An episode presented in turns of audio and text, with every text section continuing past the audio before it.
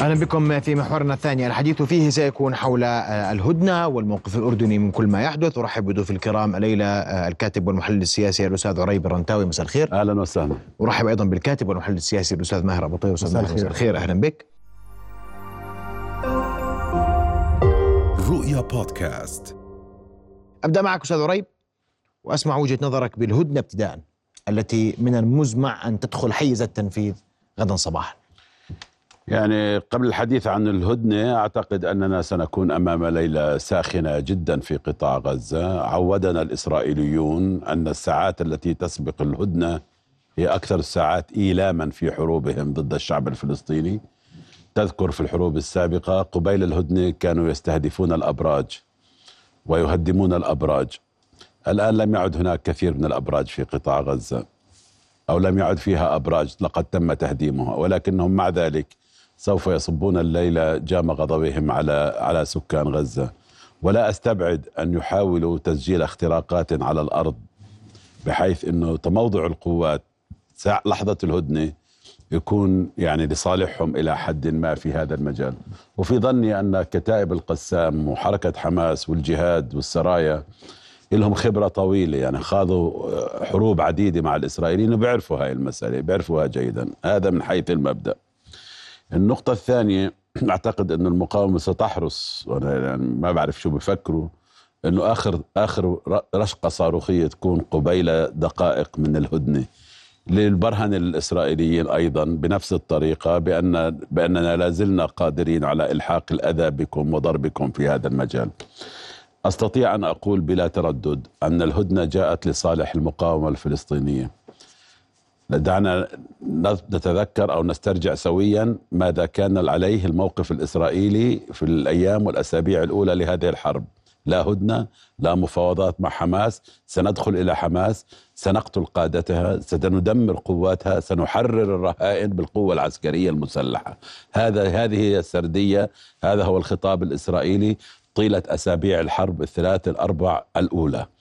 تحت ضغط الرأي العام تحت ضغط الصمود تحت ضغط الفشل في الوصول إلى الرهائن تحت ضغط الفشل في الوصول إلى كادر حماس وقياداته تحت ضغط الأمريكي أمريكا الآن صورتها بالوحل ليست إسرائيل من صورته بالوحل إدارة بايدن الديمقراطية بايدن شخصيا على أبواب الانتخابات صورته في الوحل هناك ضغط أمريكي. الهدنة بتفاصيلها اولا هي هدنة وليس وقف إطلاق نار وليست حل وبالتالي كل الهدن في العالم بتنطلق من فرضية بقاء القوات في أماكنها. ما بصير في هدنة بترتب عليها انسحابات أو تراجعات. انظر إلى الهدنة التي أبرمها الحوثيون مع السعوديون في قبل عام ونصف تقريبا أو أكثر قليلا. هدنة كل في مكانه. تعهدوا بعدم إطلاق الصواريخ والمسيرات. تعهدت السعودية بعدم قصف الطيران خلصت الهدنة جددوا هدنة. خلصت الهدنة الثانية لا رجعوا للحرب. ولا جددوا الهدنة. هذا السيناريو لا يجب استبعاده.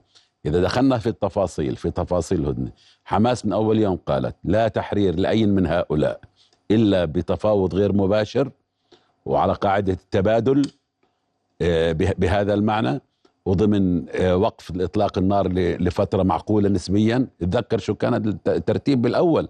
كانوا بيحكوا عن ثلاث أربع ساعات باليوم. وهذا كانت متبنية إدارة بايدن. الآن أنت بتحكي عن أربع أيام قابلة للتمديد بتحكي عن تبادل واحد مقابل ثلاثة بهذا المعنى.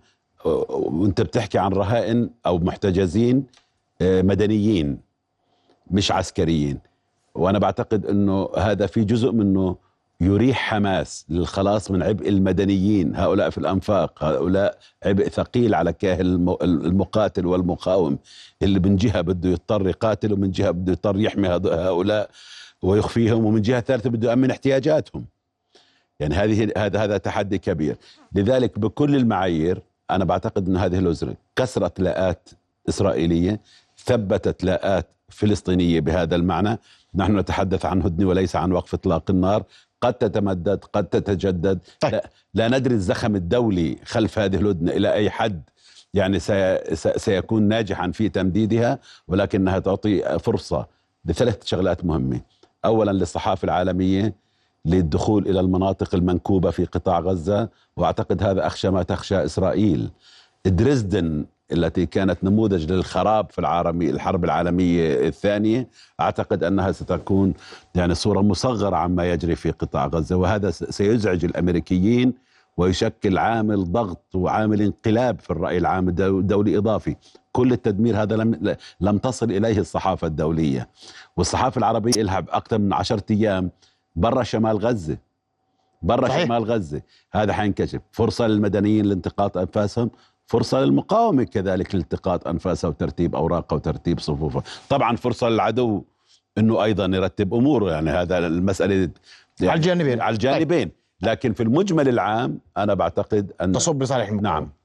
رأيك أستاذ ماهر واليوم تعقيدات كثيرة ترافق هذه الهدنة التي لم تدخل حيز التنفيذ وفي شروط في دخولها حيز نعم. التنفيذ وحماس كانت من استبقت هذه الهدنة بالموافقة عليها قبل أن يرد الاحتلال الذي وصفه أنه قرار صعب لكنه قرار صحيح. نعم. اولا مساء الخير. إيه ثانيا أنا يعني أعتقد وهذه من وجهة نظري وهي قابلة للتصحيح أو التأكيد أو النفي. أنا أعتقد أن هذه الهدنة لم تأتي بسبب الدبلوماسية العربية والدولية بشكل مباشر ولكن جاءت بسبب ما تعرضت له إسرائيل على الصعيد الداخلي. أنت تعرف والكل يعرف أن المجتمع الإسرائيلي مجتمع هش جدا ولا يحتمل كلف الحرب على على المدى الطويل. إذا أردنا الليلة أن نتحدث عن الأرقام حين تتحدث عن خسائر مالية يومية للاقتصاد الإسرائيلي 230 مليون دولار وتتحدث عن 810 آلاف شخص إسرائيلي خسروا أعمالهم إما بسبب التحاقهم بالاحتياط الإسرائيلي من جهة أو لوجودهم أصلا كانت وظائفهم في أماكن تتعرض لعمليات قصف من داخل المقاومة فاضطروا أن يغادروا تلك المواقع. وحين تتحدث عن 250 ألف شخص ربع مليون شخص اضطروا أن يعني يجربوا مرارة الهجرة والنزوح والانتقال من مكان إلى مكان حماية لأنفسهم. وحين تتحدث عن قضية الأسرة وتأثيراتها الخطيرة داخل مجتمع الاحتلال وخسائر البورصة وخسائر السياحة وخسائر التكنولوجيا إسرائيل تتعرض هنا إلى إلى كارثة بالمعايير الإسرائيلي. تتعرض إلى كارثة أمنية واقتصادية وسياسية وليس أدل على على هذه الكارثة بالمعيار الإسرائيلي وليس معياري أن أن ان أن إسرائيل برغم مرور حوالي يعني شهر ونص على عمليات القصف للشعب الفلسطيني في غزة وجرأة إسرائيل على الشعب الفلسطيني وليس على المقاومة. هي تنتقم من الشعب الفلسطيني ومن أبرياء الفلسطينيين. إيه، تنزلت عليها رشقات الصواريخ يوم أمس وما زالت المقاومة تمتلك أدوات كثيرة في هذا الإطار. وأنا لا أنكر هنا أن أنا لا أريد هنا أن أخفف من آلام الجرحى ولا ننسى الشهداء في هذا المساء ولا الخسائر المادية التي تعرض لها الشعب الفلسطيني داخل قطاع غزة فهي واضحة. ولكنها نتيجة لإحتلال طويل المدى. بالمناسبة أيضا أحب أن أشير هنا إلى نقطة أن أن الدم الفلسطيني يسيل منذ 106 سنوات منذ وعد بالفور الفور يعني هذه ليست أول المعارك ولا آخر المعارك وهي أيضا الحرب السادسة على قطاع غزة منذ عام 2007 و وأنا أعتقد أن هذه الهدنة يعني أمام عدة سيناريوهات قد تتناقض قد تتحول إلى تتمدد إلى هدنة ثانية وقد تتحول إلى إلى تسوية خلال هذه الفترة بعيدا عن الأعين. تسوية إيش؟ تسوية تسوية بين بين إيه، المقاومة وإسرائيل عن طريق الوسطاء. تسوية يعني إيه، تؤدي إلى انسحاب إسرائيل من القطاع. إذا إذا تأكدت إسرائيل أنها أنجزت على الأقل جزء كبير من أهدافها. يعني بدي أوقف معك ماهر هاي آه آه. اليوم معلش الكلام هيك بده يكون شوي مرتاح. آه أوكي. أنجزوا ما أنجزوا. لا ما أنجزوا. لا لا لا. نتفق. لا لا ب... طب تقنع نفسها أنها أنجزت موافق. لا هو ماشي. راح سياسيا نتنياهو والفريق العسكري والأمني سيحاول أن يقنع مجتمع الاحتلال أنه حقق جزء كبير من الأهداف وأنه عاد بهؤلاء بهؤلاء بهؤلاء الأسرى. وهو يحمل هنا رسالة الفشل الأساسية بعيدا عن العواطف هنا أنه بعد حوالي شهر ونص لم يستطع أن يصل إلى أسير إسرائيلي عسكري أو مدني واحد ولم يأتي برأس السنوار أو رأس أي قيادي من قيادات المقاومة الفلسطينية. هو فشل فشلا ذريعا. ولكن أنا أريد أن أحذر هنا من من يعني من مخاوف محددة أن إسرائيل قد تكون بتاريخها المخادع تريد أن يعني تطبق هذه الهدنة القصيرة من أجل استكشاف حركة المقاومة خلال عمليات تجميع الأسرى وأين آه، وأين يتواجدون في هذا التوقيت. أنت بتعرف طبعا خلال هذه الفترة سيتم تجميع الأسرى وإخراجهم من مخابئ محددة والقطاع تحت المراقبة ليل نهار. ربما إسرائيل تخطط لكشف المواقع التي قد يمكنها من خلالها من خلال هذه المراقبة الوصول ماهر المقاومة منتبه لهذا الموضوع بدلالة إنه اتفقوا بالهدنة نعم إنه في ست ساعات يوميا فيش طيارات ممنوع تحليق أي نوع من الطيران يعني في في مصادر السماء. بديلة أنت أنا يعني كيف؟ نعم في مصادر لذلك بديلة. يعني أنا بعتقد أكثر ناس بيعرفوا ألاعيب إسرائيل نعم. هم أهل غزة نعم. طبعا ما حدا خاض حروب مع إسرائيل قد ما خاضوا أهل غزة صحيح. وقد ما خاضت نعم. المقاومة من قبل ومن بعد اثنين ال- ال- ال- ال- المعجزة الاستخبارية والسبرانية اللي صارت في السابع من أكتوبر لا تقل أهمية عن المعجزة العسكرية اللي صارت يعني الحرب السبرانية اللي شنتها حماس واللعب الاستخبارية والخداع الاستراتيجي اللي صار. بدلل إنه الناس عارفين عدوهم يعني على لا أقل تقدير. لذلك كل هاي المخاوف مشروعة وأنا قلت. نعم. يعني يعني حتى الجمهور الأردني اليوم يعني احتكينا بعشرات الناس في لقاءات عديدة. الجمهور الأردني مرتاح من جهة لكنه ارتياح مشوب بالقلق والخوف والخشية على المقاومة وعلى الشعب الفلسطيني. من المؤامرة ال- نعم نعم. نعم. و- وفي يعني إذا بترجع لتاريخ الصراع العربي الإسرائيلي في اقتطاعات كبيرة صارت من الأراضي الفلسطينية والعربية المحتلة تمت في الهدنة صح. ايلات نموذجا. نعم. ايلات أخذوها خطف هيك بفترة الهدنة. ولا كان ما فيش إيلات. وكان هلا متصلين جغرافيا مع مصر. جاي كيف هذا تاريخ معروف تماما تماما. وهذا حتى الهدنة آه، صراع إرادات بهذا المعنى. بس إنه نتوقع إنه سيناريو الهدنه يتطور لوقف إطلاق نار أنا تقديري شخصيا هذا لم ينضج منخفض. بعد. منخفض طبعا. هذا لم ينضج بعد. نعم منخفض. هلأ السيناريو ال- زي ما بيقولوا best case scenario أحسن السيناريو المتوقع إنها تتمدد أيام أخرى بهذا المعنى. مقابل الإفراج عن مزيد من الفلسطينيين وهذا ما كشفته الصحافة الغربية اليوم. لا لا هذا جزء من الاتفاق. هذا جزء من الاتفاق. 50 ب 50 هذا 50 ب 150 ولكن يعني 50 ب 50 آه 50 ثم مرحلتين. 50 مرحلتين. لا وممكن 10 مم. بس ممكن اذا إذا توفر عندك 10 نمدد يوم 15 يوم ونص. ما هي بارجيننج يعني م- مقايضة عم بتصير. أنا بعتقد أنا بعتقد لسه سيناريو وقف إطلاق النار. لا ناضج امريكيا ولا ناضج اسرائيلي منخفض جدا خليني خليني عشان رايح وأنت عندك كان حديث واضح في هذا الإطار وكان عندك تخوفات. نعم. لوين رايحة؟ نعم أنت قلقان إيه، ست ساعات المقاومه تط... وأنت بتقول كلام مهم اليوم هو الاستاذ هم إبراهيم- بدهم مش طيارة عندهم اقمار صناعية مسلطة على غزة ترصدها لا. ثانية بثانية أنا صحيح؟ أنا شوف علي إحنا ما بدنا نتورط من حيث لا نحتسب بالسردية الإسرائيلية أو نختمها من حيث لا نتوقع يعني حتى لو بحسن نية يعني هم مش راح يكون في طيران اللي هو ال- الطائرات المسيرة فوق فوق القطاع ولكن عندهم هم بدائل أمنية برغم يعني اللطمه الأمنية اللي تعرضوا لها من جانب المقاومة واثبتت هشاشتهم وضعفهم. في كل الأحوال إذا أنا بدي أستثني هذا ال- الاحتمال إنه بدهم يكشفوا وين مواقع تخزين ال- الاسرى إلا إنه أنا بعتقد ان ان أن هذه الهدنة إذا جرى تمديدها علينا أن نتذكر أن بقية الأسرى لدى المقاومة هم من العسكريين والتفاوض على العسكريين يختلف عن المدنيين تماما يعني. إحنا بنحكي الليلة عن واحد مقابل ثلاث بنحكي على النساء وعلى أطفال حين يت تتم عملية المفاوضة بخصوص استبدال جنود إسرائيليين. العملية مختلفة تماما. في, ال- في الوقت ذاته يعني أنا لا يمكن الليلة أن, أن نتجاوز الحقيقة الأهم أن المجتمع الإسرائيلي غرق في بحر غزة بكل ما تعنيه هذه الكلمة. دون أن أزين هنا يعني أزين المشهد أو أحاول أن أخفف من من من من الأضرار التي تعرض لها أبناء غزة في هذه المعركة. ولذلك من المؤكد هنا أن ثأر إسرائيل من الفلسطينيين في غزة سوف يستمر بأنماط مختلفة من بينها أنماط الإغلاق الاقتصادي. حتى لو إسرائيل انسحبت اليوم من القطاع وقامت بإغلاق بواباته وتركت حماس كهيكل سياسي فقط أو كهيكل سياسي لديه قوة عسكرية نسميها جزئية أو كلية اللي بدك إياه بس هي جزئية. بعد- لأنه خاضوا حرب يعني الحرب هاي بتترك عليهم آثار. إيه، ستواصل الانتقام من الشعب الفلس- الفلسطيني. ما هو أهم ما هو أهم أيضا إيه، أن ننتبه إلى ما بعد هذه الهدنة وإلى, ما وإلى اليوم الأول الذي سيلي الحرب لأن إسرائيل لن تقبل بكل تاريخها يعني العنجهي. و- وما رأيناه من تمريغ لتاريخها في في الطين هذه الأيام إيه، أن تظهر بصورة الخاسرة وإن كانت هي خاسرة على أرض الواقع. بس هي خسرت عشان نتفق.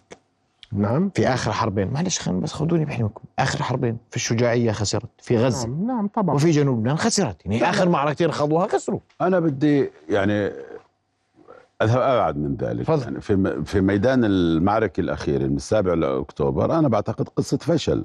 صحيح. واصلا في الصحافة الغربية الأمريكية بالذات تحكي عن خيبة في أوساط الإدارة الأمريكية السياسية والعسكرية. صح. من أداء إسرائيل من أداء الجيش الإسرائيلي. طلبوا مهل ومنحوا هذه المهل وغطتهم الولايات المتحدة بكل ما تملك من قوة تأثير في العالم. ولحتى الآن ما لا رجعوا برأس السنوار ولا رجعوا بالاسرى بعدين بدي أقول لك دخيلك يعني أنا. ووصلوا للسنوار. في طب ما. وصلوا للشيخ أحمد ياسين. في بدائل. طب ما وصلوا لعبد العزيز الرنتيسي. طب ما وصلوا للجعبري. وصلوا لكل القيادات السياسية والعسكرية في حماس في مراحل مختلفة. وكل جيل بيجي من هذه القيادات أكثر تصميما وأكثر مهارة وأكثر دراية وأكثر استعدادا للتضحية وللقتال من الجيل اللي قبله. كن مين قبل كم سنة مين كان يسمع بالسنوار؟ ولا حدا اذا أنا في رأيي هذه مرات محاولة لتقزيم الأهداف. شايف كيف؟ لتقزيم إنه ده وصلنا لفلان إحنا خلصنا. لا ما خلصناش يا سيدي. في أمامك مشوار طويل وفي ب- مثله متايل وفي ب- ب- بدله بدائل. إسرائيل ت... أنا في رأيي إذا بدك ترجع للتاريخ الأبعد من 7 أكتوبر دخلك بعد 67 في حرب إسرائيل حققت فيها انتصار مش ملتبس؟ على الأقل موضع شك إنه انتصار. قابل للتأويل. من من من- الكرامة. صحيح. لحرب الاستنزاف. لحرب أكتوبر. لحروب لبنان. والانسحاب دون أي قيد أو شرط من جنوب لبنان. لحرب تموز. لحروب غزة. دلني على واحدة من هاي الحروب إسرائيل خرجت بها بانتصار شبيه بالخامس من حزيران. لا كلها حروب ما فيش. حروب ملتبسة. كلها ملتبسة أو هزائم وانكسارات. إحنا اللي بدنا نغذي في أذهاننا وهم بدهم يغذوا بأذهاننا. إنه هذه الدولة لا تنكسر. لا تنكسر. طيب يا سيدي لبنان. مش حرقوا استراتيجية الضاحيه ودمروا بحرب تموز 2006 بالأخير طلعنا على 1701 701 قيد حزب الله أضعف حزب الله خفف قدرة حزب الله على التس... حزب الله تضاعف مرات عديدة منذ حرب تموز لحتى يومنا هذا. مرات مرات عديدة تضاعفت قوته. ولما لم لما قرر بده يدخل مناوشات ضمن قواعد اللي, اللي بتشوفها الآن في جنوب لبنان. ضمن قواعد حطوا اليونيفيل حطوا اليونيفيل بالغرف وسكروا عليهم. قالوا لهم يعطيكم العافية خليكم هنا بأمان. ما لكم مش علاقة ببقية المنطقة. والآن بروحوا بيجوا بصول بجول في الجنوب لا 1107 لا 1701 ولا غيره. اذا هذا سيناريو خلينا نفكر فيه. يمكن ما يكونش مرجح كثير في الحالة الفلسطينية في حالة غزة في هاي المعركة بالذات. بس كمان استبعاده كليا أو صورة مشابهة له لا يجوز إلغاء هذا ال- الاحتمال. وأنا بدي أقول لك يعني ال- المقاومة وغزة أدت قسطها للعلا. لو في حاضنة عربية بالسياسة وفي مجلس الأمن وفي الاتصالات السياسية بنصلش لسيناريو أحسن من 1701 بنصل. بس للأسف في جزء كبير من الدول العربية كما تعلم وكما يعلم كثيرون بديش أحملك المسؤولية كما يعلم كثيرون أنه في كثير دول عربية تتمنى اللحظة اللي تجهز فيها إسرائيل على حماس. طيب رأيك ماهر؟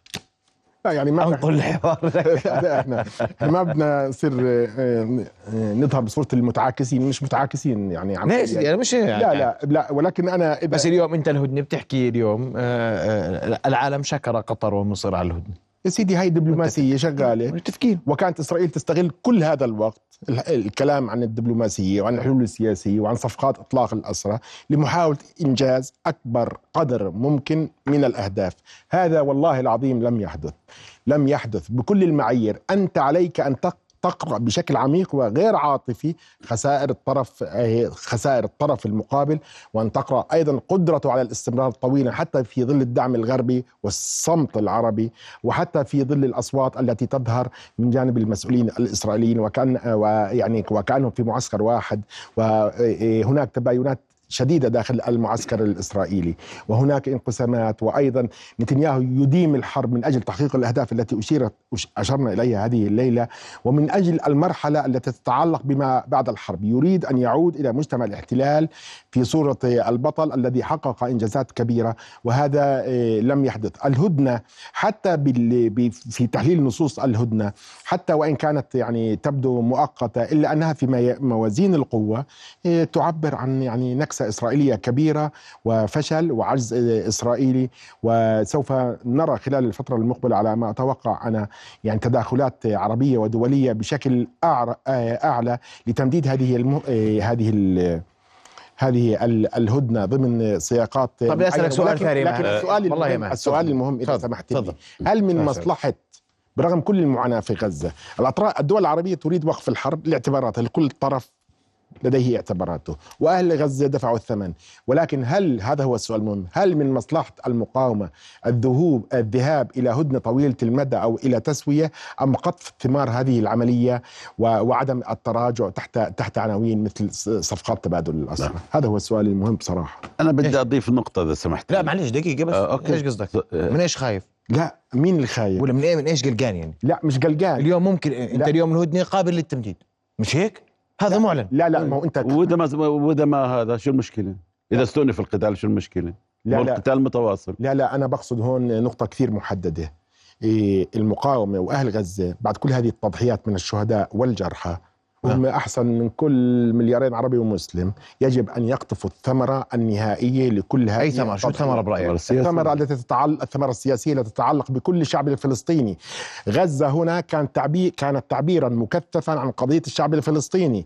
يعني الذين يديرون الحوارات في الرأي العام العربي بشكل عام يركزون كثيرا على فكرة التنظيمات المقاومة. هذه حرب على الشعب الفلسطيني تكثفت تحت عناوين هذا الفصيل أو ذاك. ولكنها طيب. حرب لإعادة إنتاج هوية الشعب الفلسطيني وقضيته. ومن هنا لا يمكن أن نستغرق فقط الليلة في قياس يعني حجم أرباح حماس أو خسائر على سبيل المثال. ويجب أن تنظر إلى هذه القضية كون هذه الحرب فاصلة ومختلفة. تنظر إلى فاصله هاي الحرب برأيك؟ أنا برأيي فاصلة جدا ومختلفة عن كل الحروب التي شهدناها سابقا. طيب. والأستاذ عرايب هلأ قبل شوي قال لك قارنها بكل الحروب حتى سنة 67 وأنا بدي اقارنها بقارنها بالحروب اللي صارت على القطاع خلال من 2007 لليوم هي مختلفة جدا. ومن أنا ما بدي أنظر من هون من عمان. ومن الخطأ إنه نعتبرها بس حرب على تنظيم والأبرياء راحوا بالرجلين وإنه ممكن نوصل لحافة حافة الحلول بنفس الطريقة التي شهدناها في الحروب السابقة. تفضل. يعني انت أنا بتقول لي أنا ماذا يعني أن تنتهي الهدنة ونعود يعني أنا بدي أقرأ المسألة بعيون إسرائيلية. كويس. يعني كيف كيف تعامل الإسرائيليين مع الهدنة؟ ليلة أمس كانت ليلة كابوسية بكل معنى الكلمة على نتنياهو. حشد كل ما يمكن أن يتخيله من مبررات من أجل إقناع الحكومة بالتصويت على هذا القرار. الضغوط اللي عم بيواجهها من قبل أهالي العائلات المختطفين والمحتجزين والاسرى والاسرى لدى لدى حركة حماس. في إسرائيل التقييم العام في إسرائيل ان ان أن من تلاعب بهم وجاء بهم للتوقيع على هذه الهدنة رغم أنوفهم هو يحيى السنوار. اقرأ الصحف الإسرائيلية. كلها تتحدث عن نكسه اسرائيليه إذا هم مقيمينها هيك أنا شو بدي أقيمها؟ هيك. أنا قبلان بتقييمهم بديش أكثر من هيك. هذا اولا.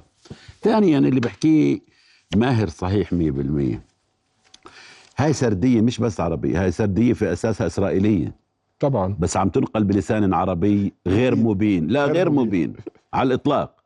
هيك. هاي سردية إسرائيلية.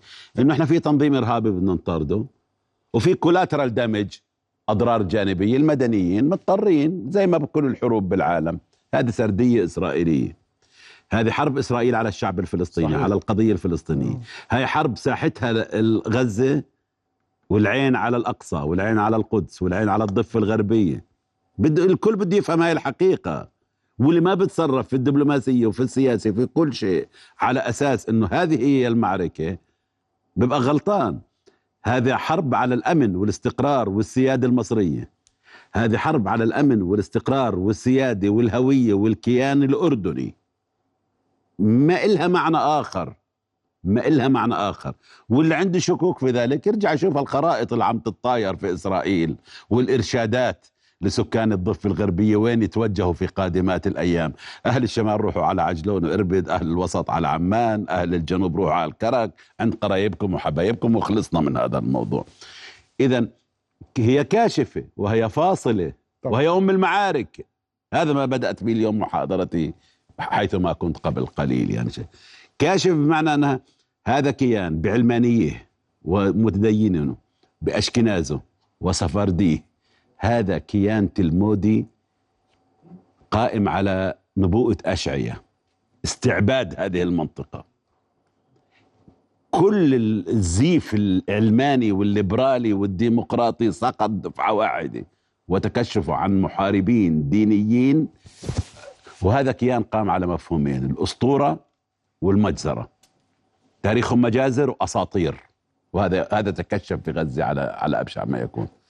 وهي بهذا المعنى فاصلة لأن ما بعدها لا يشبه ما قبلها. لا يشبهها أي حرب في تاريخ الصراع العربي الإسرائيلي وليس الفلسطيني الإسرائيلي وهي أم المعارك لأنها سترسم مستقبلا آخر لفلسطين وللصراع الفلسطيني الإسرائيلي وللإقليم وللنظام العالمي الجديد. وهذا مش كلامي. كلام. هذا كلام هذا كلام بايدن. هذا كلام بايدن هذا كلام الأمريكان هذا كلام الروس. الروس بيقولوا لي إنه كنا نظن إن النظام العالمي الجديد سينبثق من اوكرانيا الآن اكتشفنا أن النظام العالمي الجديد سي- سينبثق من أضيق وأصغر واكثف بقعة في العالم. لا ترى. من الفضاء. اسمها غزة. اللي ما بيشوف المعركة بكل هاي الأبعاد بايدن طلع قال لك إنه هذول عم بيعملوا بدهم بدهم يهدوا مسار التطبيع العربي الإسرائيلي. اللي اشتغلنا عليه لنا عشر سنين بنشتغل عليه. وأنا بقول لك صح بدهم يهدوه. ويا ريت ينجحوا في هده هذا مسار خطير على الشعب الفلسطيني وعلى قضيته. هذا المسار هو اللي خلى نتنياهو يتبجح قبل الحرب بأيام. ويقول إني أنا طبعت مع 98% من العرب. ال 400 450 مليون. الفلسطينيين كلهم 2% من العرب. بيجيهم الدور بعدين بنشوفهم بآخر شيء بنشوفهم. قالوا له الفلسطينيين في غزة من هنا نبدأ من فلسطين. فلسطين أول الكلام. فلسطين أول الرصاص. فلسطين هي العقدة. لو بتروح بتلف كل العالمين العربي والإسلامي إذا ما انحلت قضية فلسطين ما في تطبيع. هيك. هذا إذا إذا لم ننظر للمعركة كما هي. والمعركة الآن عم تتظهر سياسيا اللي بيحكيه ماهر. برضه يعني ماهر بيحكي من منطلق إنه بدك بدك إنجاز للشعب الفلسطيني. طبعاً. مش تهدئة وبكرة إعادة إعمار ومساعدات إنسانية وشوي لغزه ويا دار ما دخلك شر. هذا مش وارد. الفلسطينيين بدهم مش طحين شارك. يعني. هذا مش وارد. هذا مش وارد. أين تنعقد المعركة السياسية الآن؟ على ماذا تدور المعركة السياسية الآن؟ الغرف المغلق المغلقة السوداء في بعض عواصم التطبيع العربية عم تشتغل على مرحلة ما بعد الحرب. عم تشتغل على structure جديد بنيان جديد. لسلطة فلسطينية متجددة زي ما طالب بايدن ونقلت نيويورك تايمز عنه. يا هيك شو سلطة فلسطينية متجددة؟ سلطة تنسيق أمني على نطاق أوسع أكثر فاعلية إلى آخره تمد ولايتها إلى قطاع غزة. الآن وهنا ينبغي توفير شبكة أمان سياسية للمقاومة. ينبغي توفير شبكة أمان سياسية لغزة.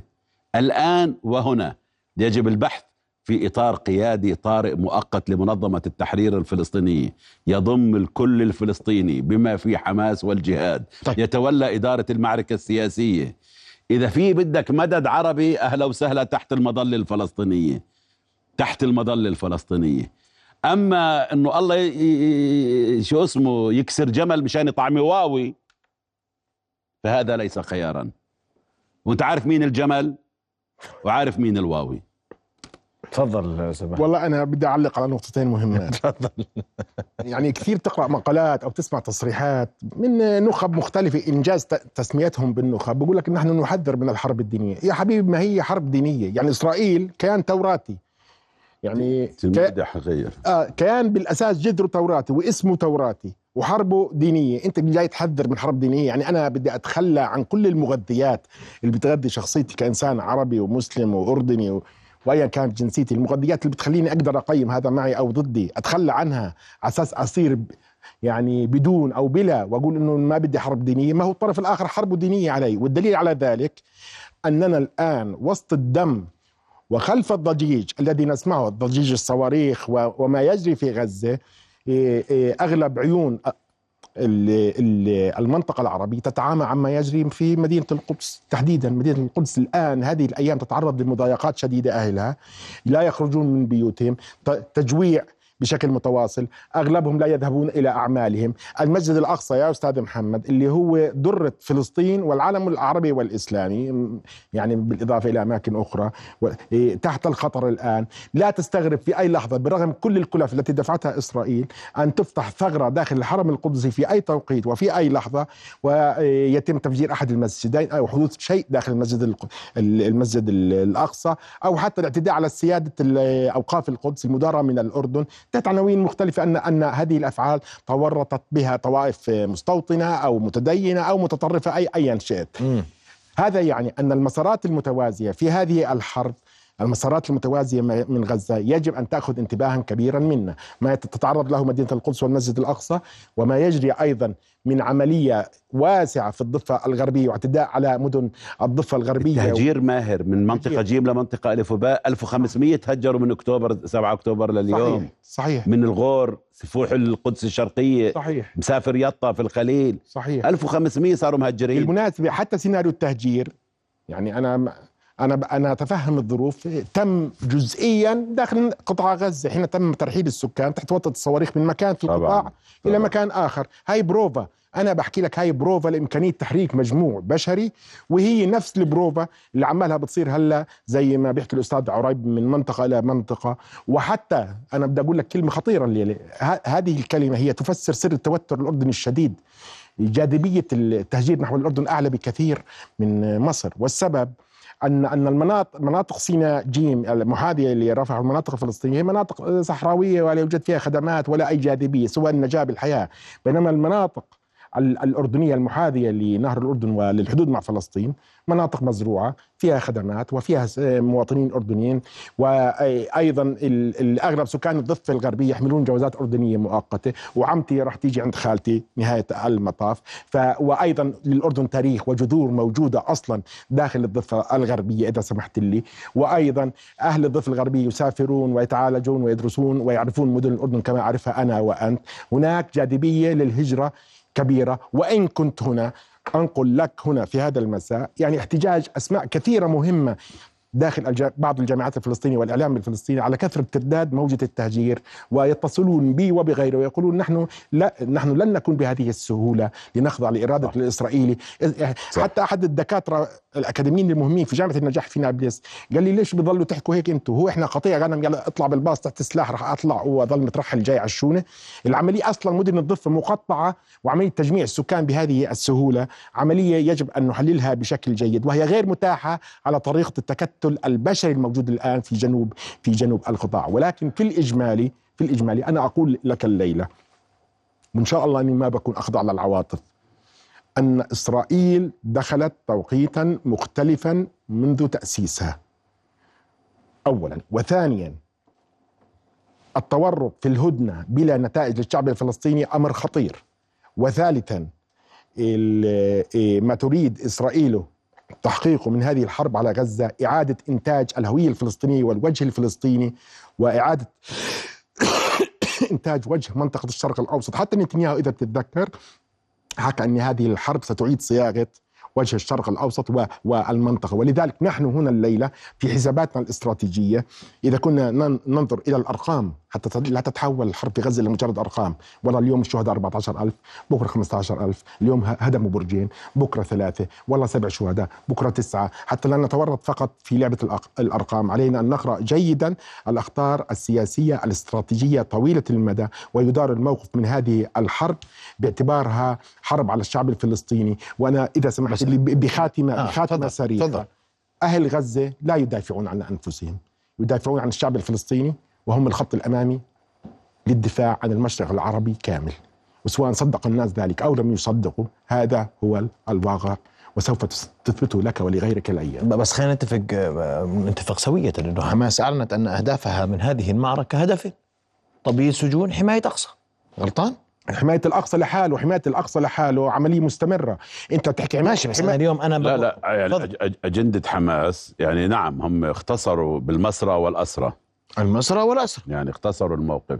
لكن هذا من من من ضمن تداعياته إعادة القضية الفلسطينية على جدول الأعمال على صدارة جدول الأعمال العربي والدولي. صحيح. يعني هذه هذه نقطة كبيرة. بس أنا بدي تصديقا لكلامك في بداية الحلقة. آه. الآن يشهد شمال قطاع غزة وخان يونس قصفا شديدا من لا لا الاحتلال 100% قبيل الليلة حتكون دامية. أنا بقول لك يعني إحنا عندنا خبرة معهم يعني مش مش أول حروب أعنف الحروب وأكثفها بس مش أول الحروب ولا آخرها. هيك لكن أنا بدي أقول لماهر نقطة مهمة. أعتقد أنا مش غايبة عن باله.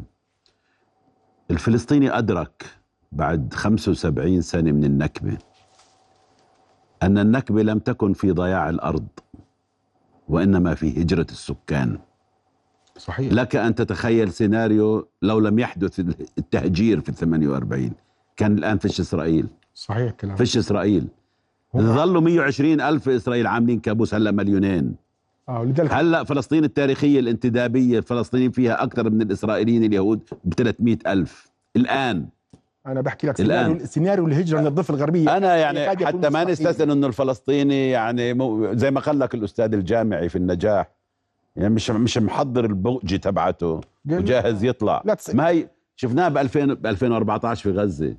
كسروا الحط الجدران مع مع مصر الفلسطينيين. صحيح. طلعوا عملوا shopping ورجعوا. طلعوا تسوقوا ورجعوا. ناموا في غزة. هيك. يمكن مرة هاي الظرف أصعب شوي. صحيح. لكن الفلسطيني تعلم الدرس بالطريقة الصعبة. الان الآن أنا في رأيي بتظهر في المعركة السياسية كل أهداف هذه الحرب سواء من الجانب الفلسطيني المقاوم أو من الجانب الإسرائيلي أو من الجانب الأمريكي الدولي بهذا المعنى. اللي غايب حتى الآن يا صديقي العزيز وين المشروع الفلسطيني في هذا؟ المقاومة. قالت كلمتها الامريكان الإسرائيليين بدهم تهجير. بلام ألف خطة ألف عندهم. تهجير تدمير حماس احتلال القطاع تجريفه تحويله إلى باركينج ملحق بمستوطنة غوجدان. هاي المشروع الإسرائيلي في غزة. مش حيقدروا عليه وبيعرفوا ذلك ومش مقبول دوليا ولا عالميا. بنزلوا على مستوى أدنى في هذا الموضوع اللي هو ترتيب أمني يحفظ لإسرائيل حرية الحركة في قطاع غزة سلطة عميلة محلية مش مرتبطة برام الله حتى حتى رام الله بدهم مش اياهم في غزة. شايف كيف؟ آه هذا هذا الترتيب الإسرائيلي الآن اللي بيشتغلوا عليه. تيجي أنت على الولايات المتحدة الولايات المتحدة قالت لك أربع نقاط لا احتلال دائم لغزة. لا اقتطاع من غزة لا تهجير قسري للفلسطينيين مستقبل غزة مع الضفة الغربية في إطار حل الدولتين. هذا بيفتح مدخل إن نحكي سياسة في مع المجتمع الدولي. رغم أن أنا لا أصدق الأمريكان وبعرف أنه هاي لعبة ومناورة وما في عندهم إجابة على سؤالين جوهريين. هل في إسرائيل شريك لحل الدولتين؟ قطعا لا. ما في. مستحيل. هل في أمريكا إدارة الآن أو المستقبل مستعدة تخوض معركة مع إسرائيل مشان تلزمها بحل عندهم الدولتين انتخابات. قطعا لا. لا وبعد الانتخابات. نعم. قطعا لا. شايف كيف؟ اذا هذا بس على الأقل هذا ممكن نبني عليه إحنا. المطلوب الآن في مبادرة أطلقها إسماعيل هنية نقاط أربعة. مطلوب الآن من رام الله تستقبل هاي المبادرة. قال لك أول شيء وقف إطلاق نار كامل تبادل شامل الأسرى. رفع الحصار بفتح المعابر والمساعدات مسار سياسي ينتهي لدولة. هذه رسالة لأبو مازن مفروض. لم يلتقطها هو ولا غيره. وحاولوا أن يقتلوا هذه الرسالة بالصمت بالصمت عنها. المطلوب الآن مبادرة فلسطينية مدعومة عربيا. إطار قيادي مؤقت لل- للشعب الفلسطيني زي ما عملت إسرائيل حكومة طوارئ. فيها الكل الفلسطيني. طيب. بتشكل شبكة أمان للمقاومة الفلسطينية. تتولى إدارة كل هذا الملف بشبكة أمان عربية. هذا الذي ينبغي أن نعمل عليه. هذا هو السيناريو الذي يخدم الشعب الفلسطيني واضح. ويحول مكاسب غزة إلى مكاسب سياسية. بدقيقة ماهر. دقيقة أنا أعتقد إلى أين تتجه الأمور؟ آه. أنا أنا دور السلطة الوطنية دور في غاية السوء وفي غاية الخطورة، كل مهماتها الآن هي تربيط الضفة الغربية ومنع انفجارها بذريعة أن انفجارها سيسهل للإسرائيلي يعني ال- الهجوم عليها وتنفيذ هذه السيناريوهات. وأنا أقول لك هذه الليلة أيضا وسأعود أذكرك لاحقا وأطلب منك العودة لهذه الحلقة. السلطة الوطنية بشكلها الحالي وقيادتها الحالي ستكون الخاسرة الأولى في خلال في مع نهايات هذه الحرب وبعد بعد هذه الحرب بسبب حجم الكراهية الموجودة لها بين أوساط الفلسطينيين وعدم قبولها دوليا وعدم قدرتها أيضا ولا عربيا. وعربيا وعدم قدرتها أن تكون يعني سلطة موجودة تأتي على على طريقه جيش لبنان الجنوبي على الدبابات الأمريكية أو على نموذج قرضاي في أفغانستان تدخل إلى قطاع غزة. عليك أن تتخيل الآن كل التساؤلات تناقش ما ماذا سيحدث في القطاع بعد هذه الحرب. أنا أقول لك هذه الليلة أن الوضع بات معقدا جدا وما بعد الحرب أسوأ من الحرب. لأنه حكم محلي بديل في مجتمع مسلح ويعني ذو قوة زي مجتمع الغزيين من شتى مدن فلسطين هم أصلا لأنه 64% منهم من مدن 48 سيقومون بتصفية الحكم المحلي ال ال العميل. لإسرائيل. والسلطة لن تستطيع الدخول إلى إلى إلى غزة لوجود ثارات قديمة من 2007 حتى هذه الأيام. وقوات عربية ودولية لن تكون مقبولة. وبقاء إسرائيل مكلف على إسرائيل في القطاع ولن إسرائيل الآن قد تبيع للإسرائيليين رواية أننا دخلنا ودمرنا قطاع غزة وآذينا الفلسطينيين ولكن الانفجار الأكبر الذي ستواجهه هو ما بعد هذه الحرب وبشأن تعقيدات غزة إلى درجة أن بعض المحللين الإسرائيليين يعني بلغ بهم الجنون لمرحلة يكتبوا مقالات في الصحافة الإسرائيلية يطالبوا بإقامة جزر صناعية مقابل شواطئ البحر الأبيض المتوسط لترحيل الفلسطينيين من غزة إلى هذه الجزر. بقول لك أقل كلفة. أقل كلفة نعم. هذا السيناريو الأقل كلفة. طيب. ننتظر ما سيكون في قادم الساعات. أذكر أن قطاع غزة يتعرض لقصف جوي مكثف من قبل الاحتلال في هذه الأثناء وقبيل ساعات من دخول الهدنة ساعاتها الأولى يوم غد الخميس. أشكركم ضيوف الكرام. أهلا وسهلا. أستاذ غريب أستاذ ماهر شكرا. جزيلا لكم رؤيا بودكاست.